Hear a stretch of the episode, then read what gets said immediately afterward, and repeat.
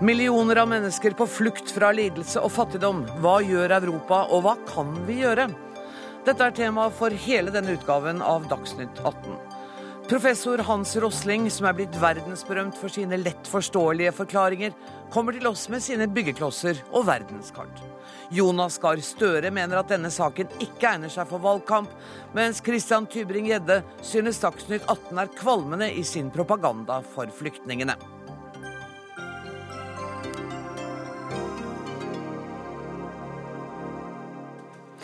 Dette er altså en spesialutgave av Dagsnytt 18 der vi skal se på flyktningsituasjonen fra så mange kanter som vi klarer i løpet av en time. Flere enn 1000 flyktninger har begynt å gå til fots fra jernbanestasjonen i Budapest mot den østerrikske grensen, en distanse på 175 km. Flere tusen flyktninger har i flere dager ventet i eller utenfor stasjonen på tog til Østerrike og Tyskland. I dag tok tålmodigheten slutt for mange etter at myndighetene tidligere denne uka innstilte alle internasjonale tog vestover og nektet dem å gå om bord. Vidar Helgesen, du er EU-minister. Utenriksministre i store deler av EU har krisemøter. Hva skjer i EU nå? Nå eh, skjer det to ting. Det ene er å håndtere den akutte situasjonen. Eh, det gjelder Ungarn, men det gjelder også det å hjelpe de mange som eh, kommer til andre land. Men så skjer det også en veldig viktig politisk diskusjon om hvordan Europas asyl- og flyktningepolitikk skal formes for de neste årene. Der kommer det til å være diskusjoner i helgen. Det kommer til å være diskusjoner på justisministermøtet 14.9. Og det som virker ganske åpenbart, er at uh, tyskerne og uh, Merkel har bestemt seg for at nå må det en klarere felles europeisk politikk til. Kommer hun til å få til det? Eller de, tyskerne og hun? Det er ikke lett, fordi dette er jo et tema som er uh, vanskelig politisk i veldig mange EU-land. Det er mange land som er skeptiske til å ta imot flyktninger. Og de landene vil jo gjerne motsette seg en felles politikk. Men jeg tror at denne situasjonen er såpass overveldende at de Det blir iallfall flere som nå ser behovet for samordning. Jeg mener jo at dette er en situasjon Europa kan klare. Det blir krevende, men Europa kan klare det. Men bare hvis man har en bedre felles politikk. Um, kan du ta på deg hodetelefonen, for vi skal ha med oss Guri Nordstrøm, som er vår korrespondent uh, for tiden i Budapest. Og Guri, i går fortalte du om flyktninger som trodde at de skulle klare å komme seg til Østerrike med tog, men som altså ble strandet i uh, Ungarn. Nå har mange bestemt seg for å komme seg videre til fots. Hva, stemmer det at de har tenkt å gå 175 km? Ja, de er allerede godt i gang. Siden de ikke fikk kommet seg på noen eh, tog som går ut av Ungarn, så bestemte da rundt 1000 mennesker seg i dag for å begynne å gå her fra Budapest og til Østerrike. Og det er barn, det er folk i rullestol, det er folk på krykker, det er foreldre med barn på skuldrene. Og det er en eh, ganske lang vei å gå. Vi kjørte motsatt vei fra Wien til Budapest eh, tidligere denne uka. Og det tok over tre timer på god motorvei med høy fartsgrense. Og I tillegg så er det veldig varmt her i dette området nå. Det er over 30 grader, og mange av de som går, de har verken vann eller eh, mat med seg. I dag har det også vært en politisk utvikling i Ungarn, for det har vært møter i parlamentet. Hva skjedde der? Ja, Der har det blitt vedtatt enda strengere innvandringsregler. Eh, de går bl.a. ut på at dersom noen forsøker å komme seg gjennom piggtrådgjerdet som er satt opp langs grensa mot Serbia, så kan de dømmes til opptil tre års fengsel. I tillegg så skal det opprettes eh, transittsoner langs grensa mot Serbia. og Det betyr at asylsøkere skal holdes der mens søknadene deres behandles. Og Statsministeren her, Viktor Urban, han sier at med disse tiltakene så overholder jo Ungarn bare Schengen-regelverket. Nemlig det at ingen mennesker uten gyldig innreisetillatelse kan reise inn i det passfrie Schengen-området. Mm. Vi skal snakke mer om det senere, men tusen takk skal du ha, Guri Nordstrøm. Korrespondent Åse-Marit Befring, du er på den greske øya Lesbos. Der har det vært sammenstøt i dag mellom politi og flyktninger. Hvordan er situasjonen nå? Ja, Nå eh, er for så vidt eh, den situasjonen under kontroll. Det som skjedde var at eh, at det var rundt 200 flyktninger da, som stormet en ferje som skulle til Aten. De ville til fastlandet. Det har vært vanskelig, det har vært umulig å kjøpe billetter de siste dagene. og Dermed så stormet de denne ferjen, og politiet brukte da tåregass for å drive dem tilbake. Eh, og Lesvos har jo blitt en flaskehals nå for mennesker på flukt. Hver eneste dag så kommer det mellom 2500 og 4000 migranter og flyktninger hit. Eh, og det er langt flere, færre som da kommer seg videre fordi at de ikke har nok ferjer, og fordi at det, det tar altfor lang tid å eh, gå gjennom gå og få registrert alle disse menneskene som kommer. Så dermed så hoper det seg opp. Nå er det over 20 000 mennesker her, og ordføreren har i dag bedt statsministeren om å erklære unntakstilstand på øya. Ja, for Hvordan forholder de lokale myndighetene seg til denne enorme strømmen? Ja, Dette er jo en øy som lever av turisme, så flyktninger er derfor ikke kjærkomne gjester her. Eh, og De er jo livredde for å skremme bort eh, alle turistene. Nå eh, sier de at det har gått ganske bra i år. I August så var det en kraftig nedgang. De frykter jo for konsekvensene neste år. Dermed så har de kanskje gjort i minste laget, kan man si. Det er opprettet eh, to mottak, men de er på den helt andre siden av øya enn der flyktningene kommer i land. Mm. Og Det betyr at når de da legger til Hakam, det kom altså 57 gummibåter bare i går, når de da kommer til land, så må de krysse hele øya. Eh, og det er for dem mange timer og dagers eh, gåtur. Tusen takk skal du ha, Åse Marit Befring. Vi går videre til London. Espen Aas, eh, Storbritannia er jo en litt annen situasjon, fordi de er ikke med i dette grensesamarbeidet Schengen. Men de siste dagene så har vel dere også opplevd et stemningsskifte når det gjelder flyktningene? Ja og nei. Vi opplevde jo en statsminister som den ene dagen sier at dette løser vi i alle fall, ikke med å ta inn flere flyktninger, så det skal vi ikke. Og så noen få timer etterpå så sto han frem igjen og sa at eh, nå skal vi oppfylle, oppfylle vår moralske plikt å ta inn flere flyktninger. Men det som er interessant med den britiske modellen, er at de har ingen planer om å slippe inn noen av de som nå er i Europa.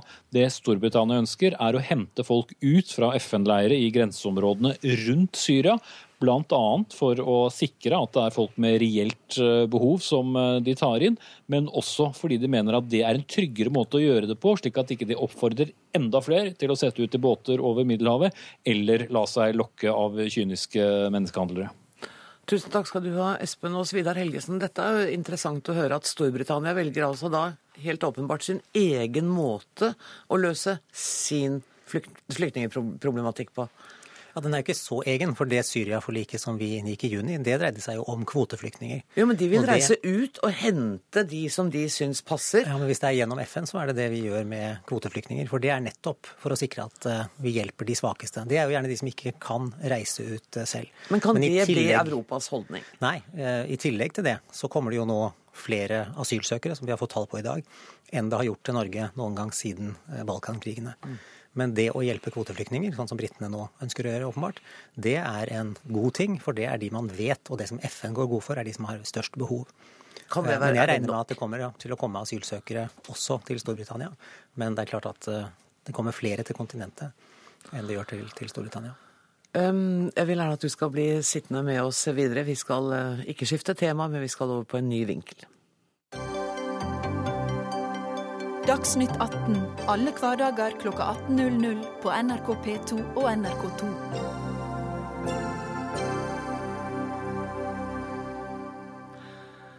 Hans video hvor han forklarer med epler hvor mange syriske flyktninger som har flyktet fra Syria, ja, den videoen har blitt sett av flere millioner mennesker.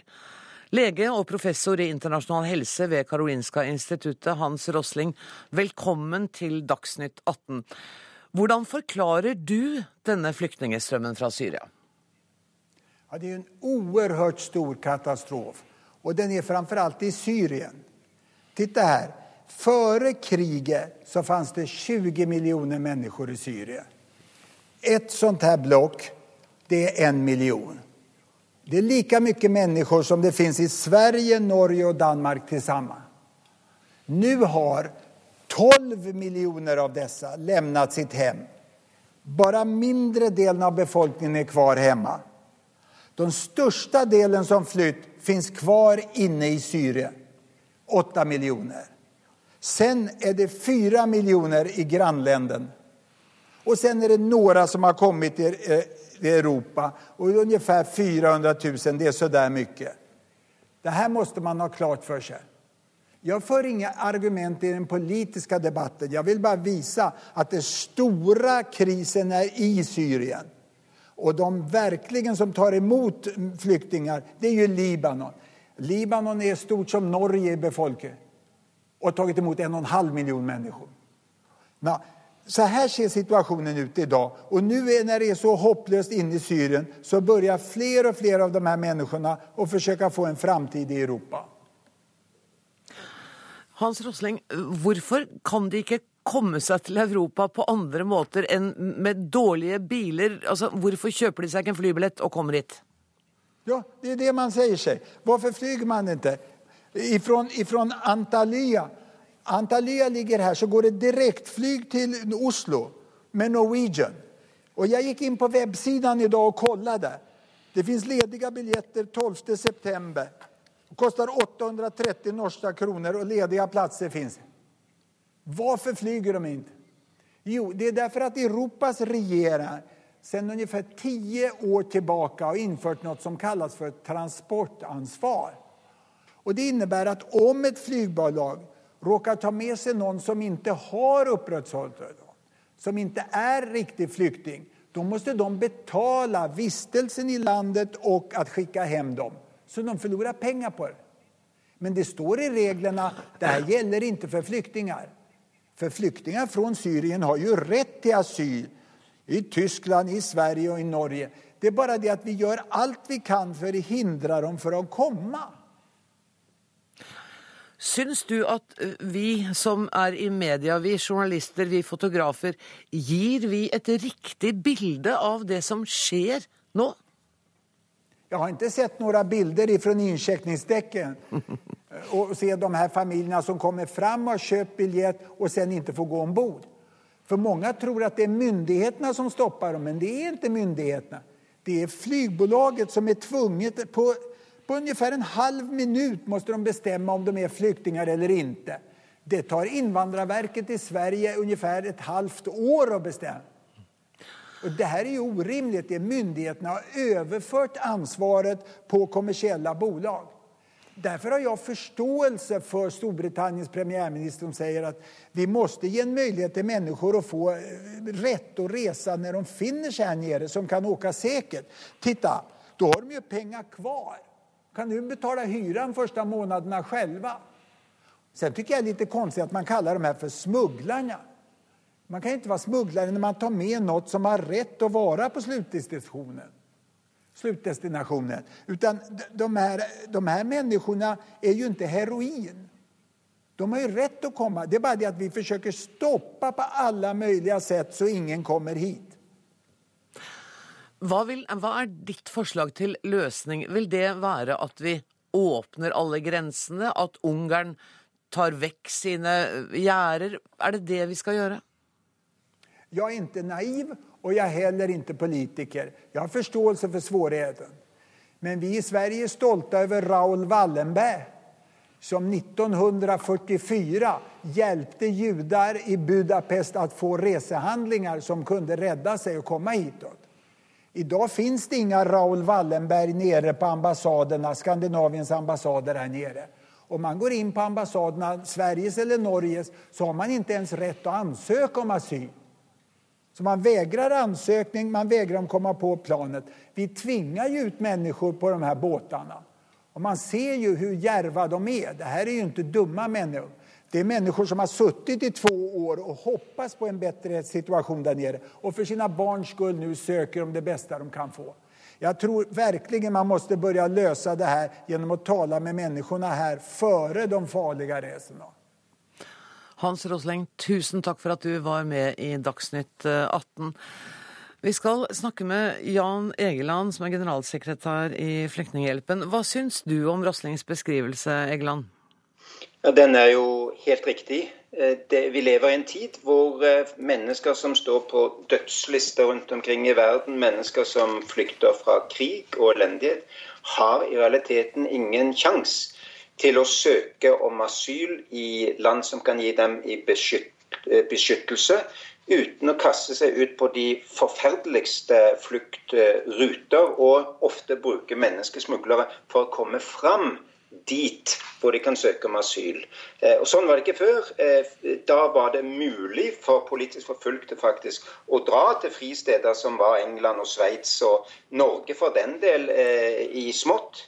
Eller gå på ambassadene i Santiago de Chile eller andre steder og søke asyl. Så det har blitt en mye verre og kaldere verden, og det skriker nå etter en, en, felles europeisk løsning. Vi må gi folk mulighet til å søke beskyttelse nærmere sine hjem, nærmere der hvor forfølgelsen skjer. Mm.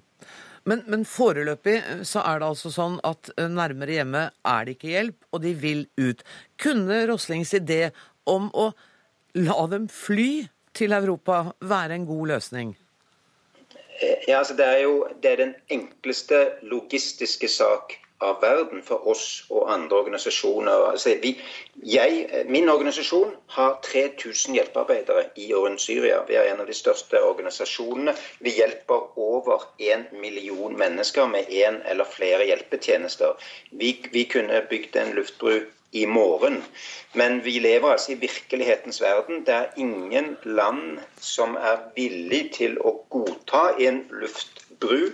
Det jeg tror vi kan eh, håper på, er at når de europeiske lederne setter seg ned og sier slik det er nå, kan det ikke foregå. Vi må ha en eller annen form for søknadsmulighet for folk nærmere sine hjem, slik at folk kan bli plukket ut. Og at vi kan få større kvoter. Kvotene har vært altfor små, og Europa har sviktet i å gi fristed til nok av de menneskene som vi ikke kan lett hjelpe i nærområdene. Vidar Helgesen, eh, Egeland sier vi lever i virkelighetens verden. Virkeligheten sier at det, det er ikke noe land som vil tillate en, en, en, luftbro. Denne virkeligheten er ganske brutal for mange millioner mennesker nå. Libanon har altså tatt imot halvannen million flyktninger, et land på størrelse med Norge. Er vi, er vi for kalde, for kyniske, eh, for opptatt av vår egen velferd? Uh, nei, jeg tror at vi må ta inn over oss at hovedårsaken til dette ligger i verdenssamfunnets svikt når det gjelder Syria-konflikten. Den har fått pågå. Den har fått pågått så lenge at eh, alle syrere er berørt, og det er ikke rart at eh, flyktningeproblemet nå er det største siden annen verdenskrig. Så eh, er det sånn at de fleste flykter til nærområdene. Mange er flyktninger inne i landet, så til nabolandene. Og det er det jo mange som vil. Eh, mange reiser også til Tyrkia, i tillegg til eh, Libanon. Og eh, da er det viktig å hjelpe der. Det gjør vi. Men det er altså sånn at FNs appeller for hjelp i nærområdene skriker etter mer penger. Og hvis flere land hadde bidratt like mye som Norge, så ville det hjulpet mye der. Men så er det også sånn, som både Rosling og Jan Egeland var inne på, at en av diskusjonene som nå må tas, er om man skal gjøre noe for å gi folk mulighet til å søke asyl i nærområdene. Det er en diskusjon som nå er på bordet i Europa. Hva syns du om det? Nei, jeg syns det er en vanskelig, en vanskelig diskusjon. Eh, blant annet fordi vi eh, har et eh, godt system der FN eh, identifiserer de som har størst behov, og som så kan bli kvoteflyktninger. Og Jeg syns flere land burde gjøre mer når det gjelder å ta kvoteflyktninger. Mm. Asylretten er uhyre viktig, men det er jo også sånn at eh, det er litt mer tilfeldig. Vi vet ikke hvem det er som kommer først i køen i uh, asylsystemet. Men er de vi klarer til å ta flere kvoteflyktninger utover det som er Syria-avtalen vår nå? Ja, Nå har vi jo for det første en avtale som blir krevende å uh, implementere fra juni. Så får vi en stor uh, asyltilstrømning. Den må vi håndtere, for dette er mennesker når de kommer fra Syria som har krav for beskyttelse. Det vil komme på toppen. Og det betyr at vi har mye å gjøre. Men jeg er også opptatt av at i den europeiske situasjonen så må flere europeiske land ta større ansvar. Vi har i dag gjort det klart at vi kommer til å tilby de øst- og sentraleuropeiske landene som mottar EØS-midler fra Norge, at vi kan benytte EØS-midler til flyktninge- og asyltiltak dersom de er villige til å ta imot flere. For det er jo land som i dag tar imot svært få. Mm. Egeland, nå hører du eh, Helgesen sier at dette er komplekst, og man arbeider i Europa for å få til en mer velorganisert og en felles eh, holdning. Renner ikke tida litt ut for dette arbeidet nå? Ja, jo, det er det det har gjort hele tida. La oss håpe nå at det snur. Altså, vi, vi må være optimistiske. Den, den farligste jeg har følt at, at, vi har å forholde oss overfor i Syria hele tiden har vært denne håpløsheten. Folk, folk vil snu seg bort. Og plutselig denne sommeren så våkner europeisk opinion, og mange land er nå villig til å gjøre mer. Eh, tidligere har det vært for lite, for seint. Kanskje kan vi nå både, både få en felles europeisk innsats for å ta imot mange flere, og hjelpe hverandre til å til, til, til, å ta imot mange. I tillegg til at vi gir mye mer, også Norge. Vi ber om en tredobling. Har bedt om en tredobling av norsk innsats i og rundt Syria. Og så er, det også det eh, som Helgesen har helt rett i. Vi må legge et voldsomt press på de som kan legge press på disse voldsmennene som går løs på sivile i Syria. Mm. Der kan også Norge gjøre mer. Tusen takk for at du var med i Dagsnytt 18, Jan Egeland. Denne situasjonen har altså ført til et større folkelig engasjement, altså et mye større engasjement blant vanlige nordmenn enn vi har sett på lang tid. Samtidig som politikere da krangler om hvem og hvor mange som skal få lov å komme til landet. Jonas Gahr Støre, leder av Arbeiderpartiet. Dette er jo ikke den verste flyktningkatastrofen verden har sett, og den var varslet. Den, den kom ikke over natta. Vi har visst i måneder at dette ville skje. Hvorfor var apatien så stor?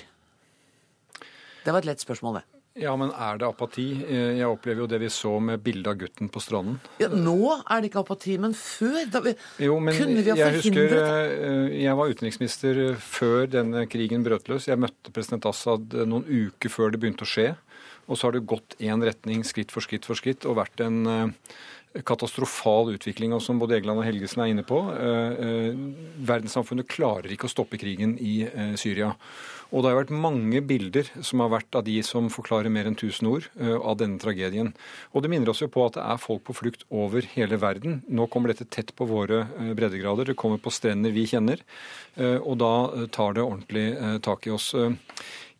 Vi kan ikke løse dette et enkelt menneske i Norge når du ser bildene fra dette og andre steder i verden. Men vi kan gjøre noe. Det vi ser i Norge nå, i mobilisering eh, som kommer fra grasrota, eh, i innsamlinger, i folk som stiller opp og vil gjøre noe, er jo et veldig løfterikt tegn. Og kommer til å bli nødvendig i de månedene som står, ligger foran oss. For det kommer til å komme flere til Norge. Eh, det blir en større av den andelen vi tar for å hjelpe mennesker i nød. Og det kommer til å teste oss. Og jeg er enig med det Erna Solberg sa tidligere i dag, at dette er en prøve for oss. Ikke bare for institusjonene, mottakene, staten og kommunene, men for oss som nabolag og mennesker og barnehager og uh, kirke, idrettslag osv. Uh, det kommer uh, en nabo nære deg, og det må vi kunne møte. Mm. Da vi snakket sammen på telefonen tidligere i dag, så sa du at dette her er ikke noe noen skal slå mynt på i en valgkamp. Dette er for alvorlig. Her vil jeg bare at vi skal liksom, trekke sammen uh, for å finne en felles uh, løsning. og jeg ser at Vidar Helgesen sitter og nikker til det du sier. Hvordan er mulighetene for et samarbeid mellom partiene nå for å få dette løst? For å bare rydde på det. Det er helt greit i en valgkamp å ha en diskusjon om flyktningpolitikk og, og, ansvarsdeling. Men nå står det altså mennesker ved vår grense, ved Europas grenser. Noen kommer til Norge. Veldig få da, i forhold til andre land som nå blir veldig hardt belastet. Og det er av de øyeblikkene jeg mener at vi må si OK, hvordan svarer vi på dette? Vi har noen standarder de, det mottaksapparatet vi har, er naturlig nok ikke dimensjonert for å ta dette som kommer nå. Da må det improviseres. Og den appellen som er gått nå ut til, fra UDI til det sivile samfunn, mener jeg at vi må støtte opp om. Og, og jeg kommer til å være veldig tydelig på vegne av Arbeiderpartiet at uh, her skal vi gi støtte til regjeringen når de uh, forsøker å legge til rette at vi at håndterer dette på en måte som Norge kan stå oppreist for. Vi har invitert statsministeren. Hun var opptatt på helt andre hold, så Vidar Helgesen, du må tåle å være hennes stedfortreder akkurat nå. Men, men, det er ikke vanskelig for dere å være enig eh, om dette? Nei, det er det ikke. Vi er i en uh, ekstraordinær situasjon som kommer antagelig til å bli en varig situasjon. Dette er ikke en situasjon som går over uh, i år. Og det betyr at vi må ta i bruk et av de uh, vakreste norske ordene, nemlig dugnad. Mm. Dette er en norsk dugnad, og det er en norsk dugnad som inngår i en europeisk dugnad. Men, men, men dere, når vi, altså, nå, er det, nå er alle, eh, eller veldig mange, opptatt av å gi, bidra, sørge for at disse menneskene skal få det bedre. Samtidig så er det snakk om å sikre på lang sikt den norske velferdsstaten for alle oss som allerede bor her. Det er en avveining. ikke sant? Hvor mange skal man ta imot? Når blir det en trussel mot velferdsstaten? Hvordan er fremtidsscenarioet større? Jo, men La oss være helt klar på at vi løser ikke dette i eh, Alta, Kongsberg eh, og en bydel i Oslo. Det er ikke løsningen på denne katastrofen. Eh, når folk kommer ved våre grenser, så har vi noen forpliktelser til å ta, eh, ta, tak i det. Men dette er jo en løsning som er i mange ledd. Først og fremst inn mot det som vi var inne på i den tidligere delen av sendingen, nemlig krigen selv. Mm. Krig er katastrofe for enkeltmennesker, for barn, for mennesker som kommer på flukt. Eh, Syria må løses. Krigen må opphøre. Og selv om det har vært tusen skuffelser, så må vi jobbe tusen ganger til inn mot det det gjelder. Og så må dette Europa vi er en del av, få orden på det systemet som gjelder. Vi liker å reise på kryss og tvers i Europa, derfor har vi også felles yttergrenser. Det regelverket må vi forbedre, og det må Norge være med på. Og det er én grunn til til at Norge bør være med på det som er i egne interesser. Vi er også yttergrense. Vi må ikke glemme det at i nord så har vi en yttergrense. Og jeg husker på slutten av 90-tallet, da det var sosial krise i Russland, så trodde jo noen kommer det plutselig 10 000 over grensen fra Russland. Det gjorde det ikke. Men jeg sier ikke mer. Det understreker bare betydningen av at innsatsen som må gjøres med Europa for å få dette mer opp opp og gå. Og det Helgesen er inne på her, med EØS-midler og andre tiltak som Norge fra vår posisjon kan bidra med, helt for. Og vi må gjøre alt vi kan for å få et bedre svar fra Europa. Ja, det er ikke mye å være uenig i her. Vi, eh, vi må stå sammen. Og det er ikke bare et spørsmål om at vi i politikken må stå sammen i uh, viktige ting. Selv om vi er uenige om deler av politikken, så må vi stå, en, stå, stå sammen om at dette løftet skal vi klare. Og så er det folk flest. Eh, og det er eh, hjertevarmende å se hvordan det engasjementet er. Mm. Um, og det var der også før bildet av treåringen på stranden. Mm. Selv om det har hatt en veldig effekt, så har folk eh, tatt eh, saken i egne hender på en veldig god måte. Og det trenger vi mer av. Uh, det kommer til å være et stort løft fremover. Og så til sakens kjerne, som Støre har vært litt inne på. Det er krigen i Syria. Det er ingen land som er villige til å gå inn og bombe eller gjøre noe militært. Hvordan skal verdenssamfunnet bidra til å få løst den konflikten så fort som overhodet mulig? Jeg stiller veldig enkle spørsmål i dag, merker jeg. Det er lett å si ja eller nei. Ja, vi vet jo at uh, grunnen til at Sikkerhetsrådet er låst, er uh, enkelte vetomakter og ikke minst uh, vår nabo Russland. Eh, nå har det kommet eh, noen initiativer de siste dagene, eller lyder fra Russland de siste dagene som eh, kan tyde på at de engasjerer seg. Hva som ligger i det, vet vi ikke. Men noe av det som er veldig sårt her, er jo at det som begynte som en demokratioppstand, stort sett fredelig, uten store innslag av ekstremisme, nå er blitt et vepsebol av ulike grupperinger, inklusive ekstremister og terrorister. Eh, og en Assad som klamrer seg til makten. Mm. Og en situasjon som er mye mye vanskeligere å løse nå enn da man hadde diskusjonen om man skulle intervenere. Det er ikke dermed sagt at intervensjonen nødvendigvis ville vært riktig, men når man snakker om at i Libya så har, om ikke intervensjonen, så i hvert fall etterarbeidet etter, etter intervensjonen gått galt, så kan vi også si at i Syria så har det å ikke intervenere ført til en situasjon som er grufull. Det spørsmålet du stiller, Anne Rosvold, har du jo stilt siden våren 2011. og Det, det, det, det får fortsatt ikke gode svar. Men uh, jeg er enig i mye av det uh, Helgesen sier. Jeg tror ikke vi skal se oss blind på dette med bare Russland stemmer annerledes i Sikkerhetsrådet, så ordner dette seg. For det er et vepsebol. Og det er jo et uttrykk for et Midtøsten som egentlig aldri har funnet sin stabilitet og normalitet. Og mange trekker jo linjene 100 år tilbake til tid, til første verdenskrig og en region som ble stablet på beina etter skillelinjer som ikke har vært bærekraftige, veldig autoritære regimer. Og når det begynner å bryte sammen, så, så velter det over ende. Og det understreker jo en ting i vår verden, at stater som kollapser, er den største trusselen uh, mot sikkerhet til folk. Fordi du trenger stater for å holde uh, en viss grad av orden. Helst bør de være demokratier.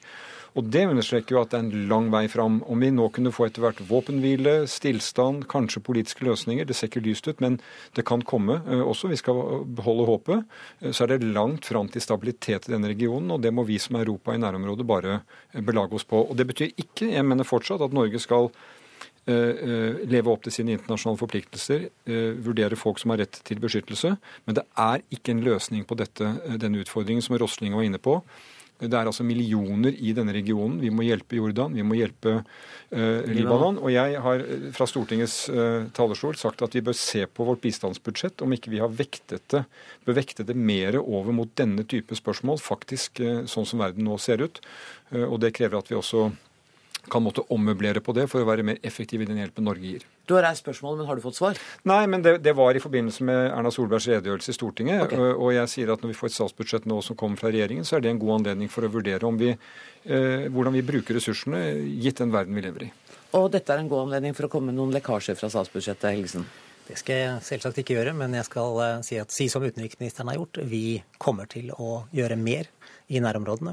Og jeg tror at sånn Europas nabolag nå ser ut, så skulle det bare mangle. Eh, mange snakker om at eh, det ikke har vært så mange asylsøkere siden Balkankrigene. Mm. Balkan var i Europa. Europa hadde der verktøyskassen for, til tross for at det var vanskelig, eh, å stabilisere situasjonen etter hvert. Man hadde denne magnetismen som horisonten om et EU-medlemskap innebærer. I denne regionen, Midtøsten og Nord-Afrika, har ikke EU det. Og det gjør at dette kommer til å bli en lengre krig, eller en lengre fase med ustabilitet og konflikt. Eh, og vi har også det faktum at et energiuavhengig USA ikke lenger har den stabiliserende, eh, eller forsøksvis stabiliserende rollen i eh, regionen.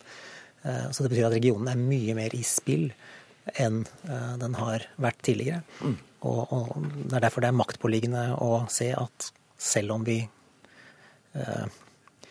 i dag syns at det er gruoppvekkende scener, og selv om vi i dag syns at vi har mange flyktninger og asylsøkere, ja, så kommer dette til å være med oss i årevis fremover. Tusen takk for at dere kom til Dagsnytt 18, Jonas Gahr Støre og Vidar Helgesen.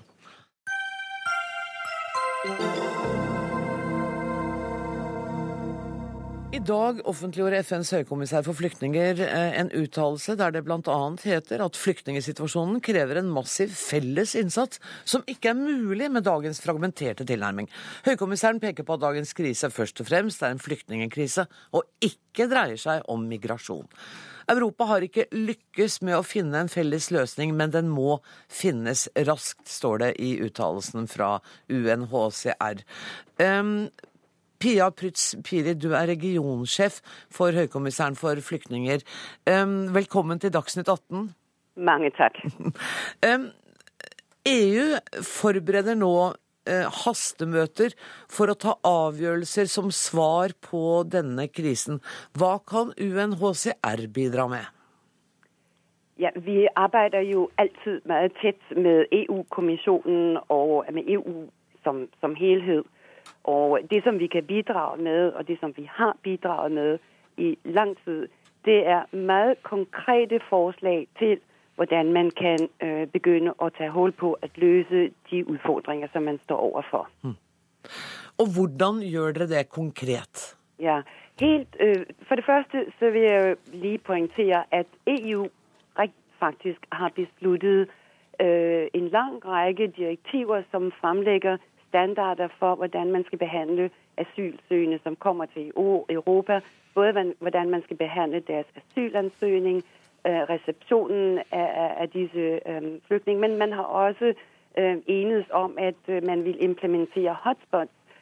Og det betyr at man har en felles behandling av asylsøgninger f.eks. i Grækenland og Italien. Og en av de ting som vi mener man bør fokusere på nå, det er rent faktisk at implementere de beslutninger som man allerede har tatt. Hotspotsene blir man enige om for lang tid siden, men de er stadig uh, ikke operasjonelle. Mm. Så det handler om først og fremst å implementere det som man allerede er blitt enige om. Man må få satt i verk de tiltak som man er enige om skal settes i verk. Hvordan reagerer EU-landene eh, e på henvendelser fra Høykommissæren for flyktninger? Altså, vi har jo noen lande som har vist utrolig moralsk og politisk øh, lederskap øh, i, i, Europa, men dessverre så er det en meget fragmenteret øh, svar som vi får. Og, Europa, europæiske lande og EU er jo stadigvæk ikke helt enige om hvordan tingene bør se ut i, i fremtiden.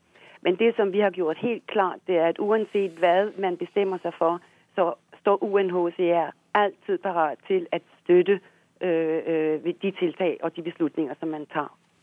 Tusen takk skal du ha, Pia Prytz Pihiri.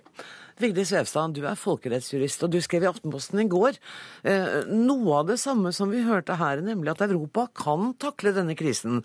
Vi har instrumentene. Hva er det som mangler da?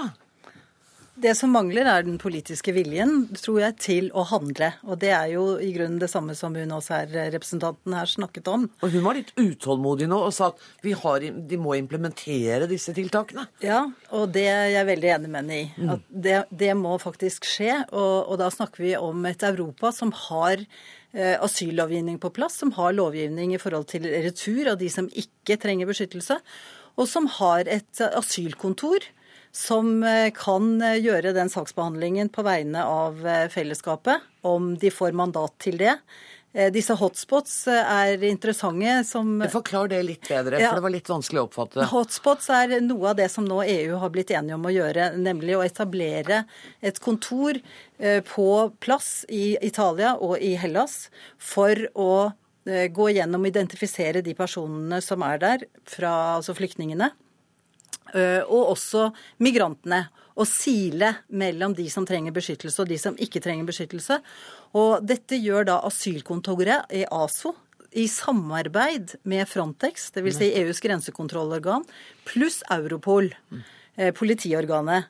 Og det er jo for å også ivareta de sikkerhetsmessige uh, hensynene når man tar mennesker inn på det europeiske territoriet. Og hensikten her er da å få til en relokalisering. Og EU-landene ble enige i sommer, faktisk på slutten av, eh, altså i slutten av juli, om at de skulle relokalisere et 40 000-talls eh, mennesker. Altså flytte dem fra et sted til et annet? Flytte det fra et sted internt i Europa til et annet. Og da under hensyntagen til eh, hvilke land som har best kapasitet til å ta imot ut fra nasjonalprodukt, antall, antall borgere og hvor mange de allerede har tatt imot av asylsøkere. Eh, og det venter vi på skal iverksettes. For det er ett tiltak som, eh, som de jo er enige om, mm. selv om behovet nok er mye større enn de 40 000. Mm. Eh, I tillegg Hvor lenge skal vi vente på det? Nei, Vi skal jo ikke vente, mener jeg. Fra forskersynspunkt så er det jo dette, dette må man bare sette i gang med. Men det, det andre er jo også at man tar imot på kvote og at man øker eh, kvoten i forhold til de som befinner seg nå i eksil i, i nærområdet, f.eks. i naboland, som vi vet er eh, tungt belastet. Eh, og det er også en mulighet, og det er jo å ta i bruk en, altså som en, hva skal man si, en, som en sånn en måte å organisere en byrdefordeling innad i Europa er jo dette med relokalisering. Mm. Og samtidig som man da gjør det, så må man også sette, etter min oppfatning, eh, Dublin-samarbeidet med å returnere på vent. Man må ta i bruk de unntaksbestemmelsene som Dublin-regelverket også inneholder. Dublin-regelverket som altså betyr at du, du, søker asyl i det første landet du kommer til. Du kan bli returnert til første asylland. Eh, bør vi sette den på vent permanent, den avtalen der? Noen vil jo mene det. Mm. Men, men, i hvert fall i en situasjon som vi befinner oss i nå, hvor eh, det er et ganske stort kaos i Europa, vi ser jo daglige bilder og reportasjer om det, mm. Eh, så, så, er det ikke logisk for meg at man skal fortsette å bruke annet enn unntaksreglene i forhold til eh, at man ikke returnerer sørover de som har kommet sørfra, når man samtidig skal sende noen fra sør til nord under relokaliseringsregimet. Så her, her må faktisk de europeiske landene finne ut av noe som er logisk. Det må altså både en politisk vilje til, her er du helt på linje med, med høykommissæren for flyktninger, og det må en felles holdning til i Europa. Helt ærlig, hvor realistisk er det?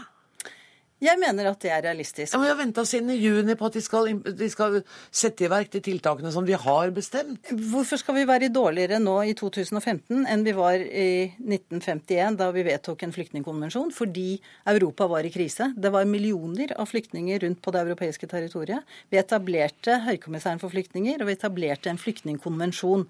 Den samme dugnaden forventer jeg at Europa vil kunne få til i dagens situasjon. Men, da, men situasjonen, altså verden har forandret seg siden vi fikk flyktningkonvensjonen. Og mange vil si at eh, terrorfaren er, er, mye større. Sikkerheten for mennesker blir ikke godt nok ivaretatt. Og vi har for uoversiktlige menneskestrømmer. Men dette har man jo da tenkt på, tydeligvis eh, i forhold til disse hotspots som vi snakket om i sted.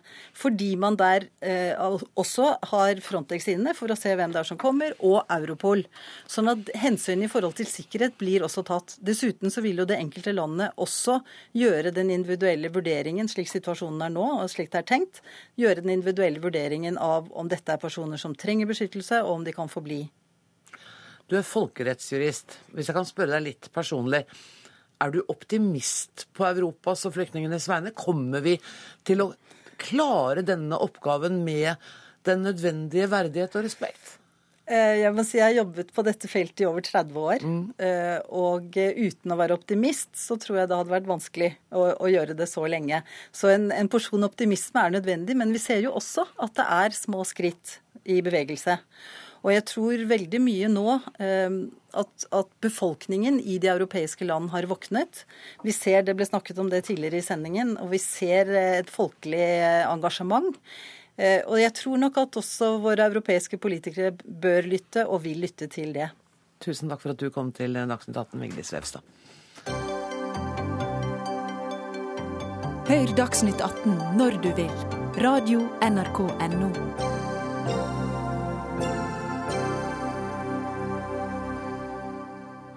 Ikke siden Bosnia-krigen på 1990-tallet har det kommet så mange asylsøkere til Norge på én måned som det gjorde i august. For bare den måneden kom det flere enn 2300 asylsøkere til Norge. Det er flere enn de som kom i løpet av årets fire første måneder, hvis jeg nå har fått tallene mine riktig. Og nå forbereder Utlendingsdirektoratet hasteløsninger for å finne plass til alle asylsøkerne. Velkommen, Frode Forfang, du er direktør for Utlendingsdirektoratet. Og du beskriver den endringen av ankomstmønsteret, som dere sier, som et brått skifte. Var dere overrasket? Vi var nok litt overrasket, men det er vi ikke alene om. Det er mange land i Europa som nå er litt overrasket over det mm. som skjer. I hvert fall eh, omfanget av det som skjer. Eh, fordi det er et brått skifte det som skjer nå i Europa. Riktignok har det vært en jevn økning av antall asylsøkere som har kommet til Europa de siste årene, men, men det har vært et ganske stort taktskifte nå i sommer. Eh, mange land eh, merker dette, og Norge er nå et av de landene som merker resultatene av det. Hvor alvorlige er eh, konsekvensene for Norge hittil? Altså det er i hvert fall en ganske så klar utfordring for oss. Fordi vi får altså, som du nevnte innledningsvis, altså flere asylsøkere på én måned, altså august, enn det vi fikk i årets fire første måneder samlet sett. Eh, og mye tydet jo på på våren at antallet asylsøkere til Norge var egentlig på vei litt nedover. Mm. Og vi lurte jo på om vi eh, skulle begynne å bygge ned kapasiteten. Og så snur dette ganske brått fra våren, og så veldig brått fra august. Mm. For da går tallet altså kraftig opp, og det er da særlig flyktninger fra Syria som står for mye av økningen i august. Men det kommer også ganske mange, og det er gjort nå siden mai måned fra Afghanistan, det gjelder da særlig enslige mindreårige asylsøkere, og fra Eritrea. De fortsetter å komme også et ganske stort antall, men så kommer da en veldig kraftig vekst fra Syria oppå det.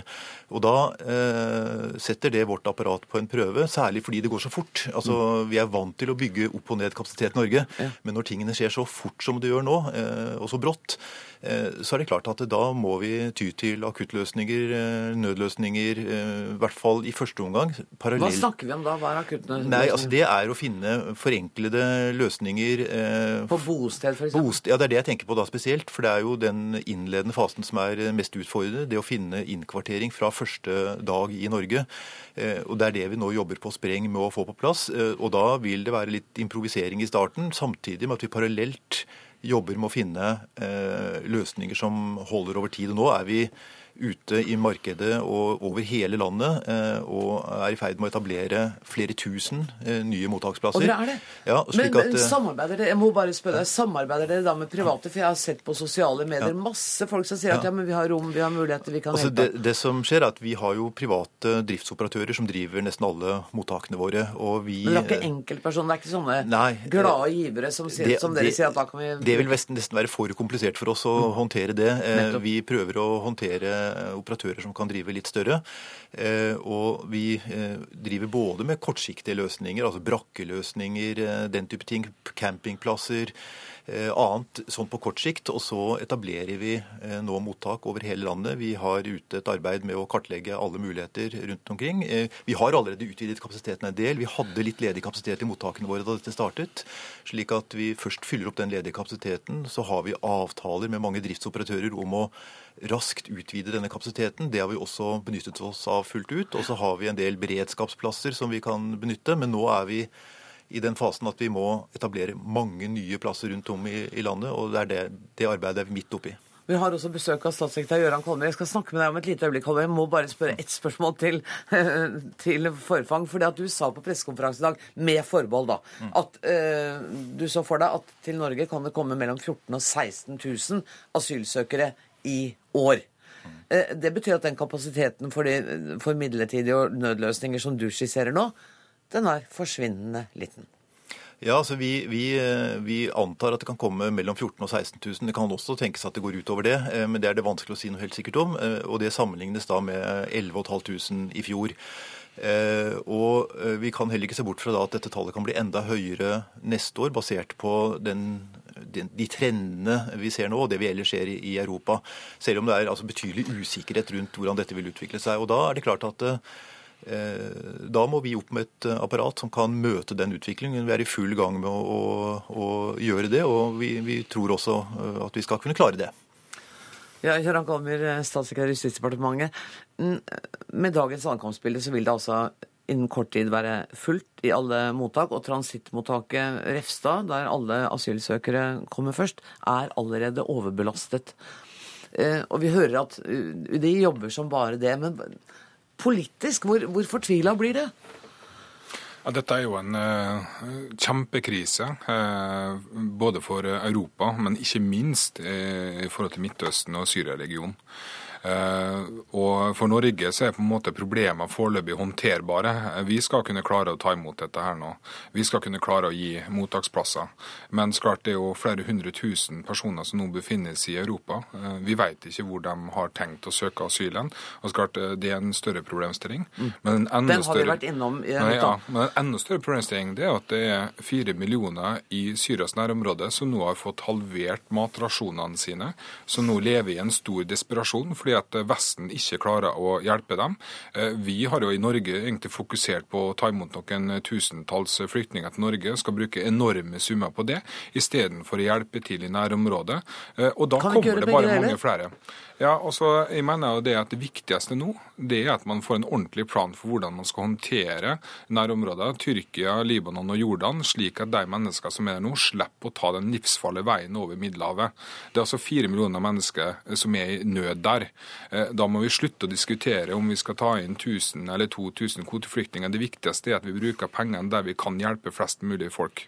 Men, men, mens dere uh, finner ut av det, så vil det fortsette å komme asylsøkere til Norge. Kanskje i en størrelsesorden på flere enn 16 000 i år. Ja, og Det er litt av problemet her, fordi at alle er nå så fokusert på de 16 000 som har kommet til, eller kommer til å komme til Norge, og de par hundre tusen som nå er i Europa. Og så prøver man å finne løsninger for dem. Men hvis man ikke greier å finne løsninger for nærområdet, så kommer det bare enda flere til Europa. Så man liksom greier aldri å bli ferdig med den problemstillinga. Hva skal vi gjøre nå med dem som har kommet til Europa? I sommer så diskuterte man hvordan man skal relokalisere 40 000. Man klarte ikke å bli enige om det. Så eh, er det tallet utdatert nå. Nå snakker vi om at kanskje vi må relokalisere 200 000. Eh, og det blir enda vanskeligere å bli enige om. Imens så er det ingen som gjør nok i Europa til å hjelpe til i nærområdet. Norge er faktisk ganske alene med å bevilge store summer til eh, Syrias nærområde. Nå må også de andre store landene, sånn som Tyskland og Frankrike, virkelig trå til med å gi store pengestøtter.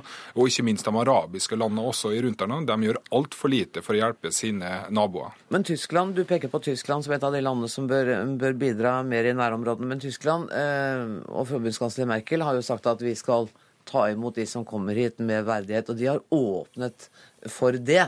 Sånn at eh, man kan jo ikke si at Tyskland ikke gjør noen ting. Nei, det har jeg heller ikke sagt. Eh, men i likhet med Norge, eh, så har de tatt imot alle dem som kommer til Tyskland, og vi har tatt imot alle som kommer til Norge med en verdighet. Vi prøver å gi dem et godt kvalitativt tilbud, men vi er nødt til å håndtere den store krisen som nå er i Midtøsten. For hvis ikke så vil de tallene vi ser nå, være ganske små i forhold til det som vil komme. Um, Forfang, jeg ser jo at dere kommer til å ha behov for mer ressurser, både penger og, folk. Hvor mye har dere bedt om? Vi har ikke bedt om noe konkret ennå. Vi er jo også litt usikre på hvor, mye, eller hvor stort ressursbehovet vil bli, i hvert fall på litt sikt. Fordi vi vet jo ennå ikke hvor dette ender. Vi vet ikke hvor mange som kommer i år, og vi vet ikke hvor mange som kommer neste år. Men det er jo helt klart at vi er jo ikke bemannet for å håndtere det antallet asylsøkere som nå kommer. I hvert fall ikke når vi skal begynne å saksbehandle eh, Nettopp. disse asylsøknadene. Men vi er jo i en dialog fortløpende med Justisdepartementet om den situasjonen. Og, og, så vil jo det da være noe som regjeringen kommer tilbake til. Men, men, men vi har heller ikke gått ut med noe eller foreslått noe bestemt eh, beløp, men vi er i en dialog med Justisdepartementet om å i vurderingen da hva slags beløp som vil være riktig. Men, men eh, foreløpig så er det jo stor usikkerhet også til hvor stort behovet vil være. Mm. Men vi vet såpass at, at, det vil være behov for mer enn det vi har i dag. Tusen takk for at dere kom til Dagsnytt 18, Frode Forfang og Gøran Kalmer.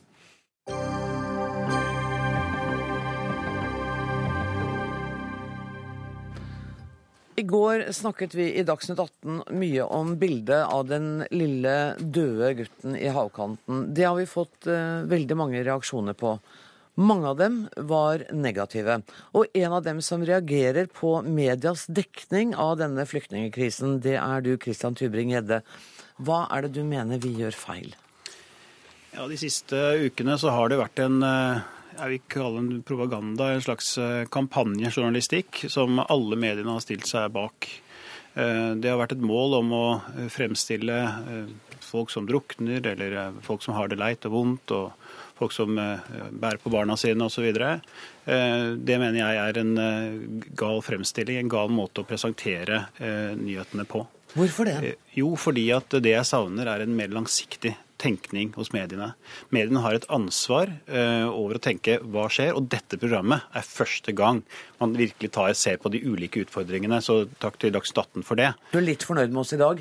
Ja, for i dag får dere en annen perspektiv. Istedenfor å diskutere hele tiden hvor synd det er på folk, så må vi finne en løsning. Vi må finne løsninger og fokusere på det. Jeg er ute og holder foredrag nesten hver dag nå i valgkampen. Og overalt er folk fortvilet. De er lei seg. De er veldig fortvilet hva som foregår i deres nabolag. Og de føler at de er forpliktet til å ha dårlig samvittighet. Fordi at mediene hele tiden fokuserer på det. De hva, hva skulle de ha skyldfølelse? de får en skyldfølelse av å hele tiden få bilder servert til dem som gjør at de sier at dere skal være med på en dugnad, dere må ofre deres nabolag, dere må ofre deres fellesskap. De ser at dette fellesskapet forvitrer der de bor. De er lei seg. Og så sier de at jeg som stortingsrepresentant har ikke noe mandat til å endre Norges demografi for evig og alltid. Jeg har, jeg har et mandat til å støtte mine velgere for å gjøre Norge til et bedre land, et mer, mer velferd, mer vekst, og gjøre hverdagen bedre for folk flest i dette landet. Å være med på det som skjer nå, syns jeg er veldig vanskelig. Dessuten, jeg må legge til det, det er ingen som ikke syns synd på folk. De syns synd på folk over hele verden, og da må vi faktisk gjøre det som hjelper. Og da må vi gjøre, hjelpe i nærområdene. Norge har enorme økonomiske ressurser. Vi skal bidra og ta vårt ansvar. Men det hjelper ikke å ta noen tusen hit hvert eneste år, som gjør at dette kulturelle fellesskapet vi har i Norge, forvitrer gradvis. Aller beste oppgaven for, for oss er å bevare vår nasjonale kultur. Det er den beste jobben vi kan gjøre for å skape et, et forent Europa. Ehm, du sier at du selvfølgelig, som oss alle, syns synd på mennesker som lider, og det trekker jeg ikke i tvil. Men, men, du brukte i, i, går betegnelsen om at vi f.eks. i Dagsnytt 18 bedrev kvalmende propaganda. Da, Nei.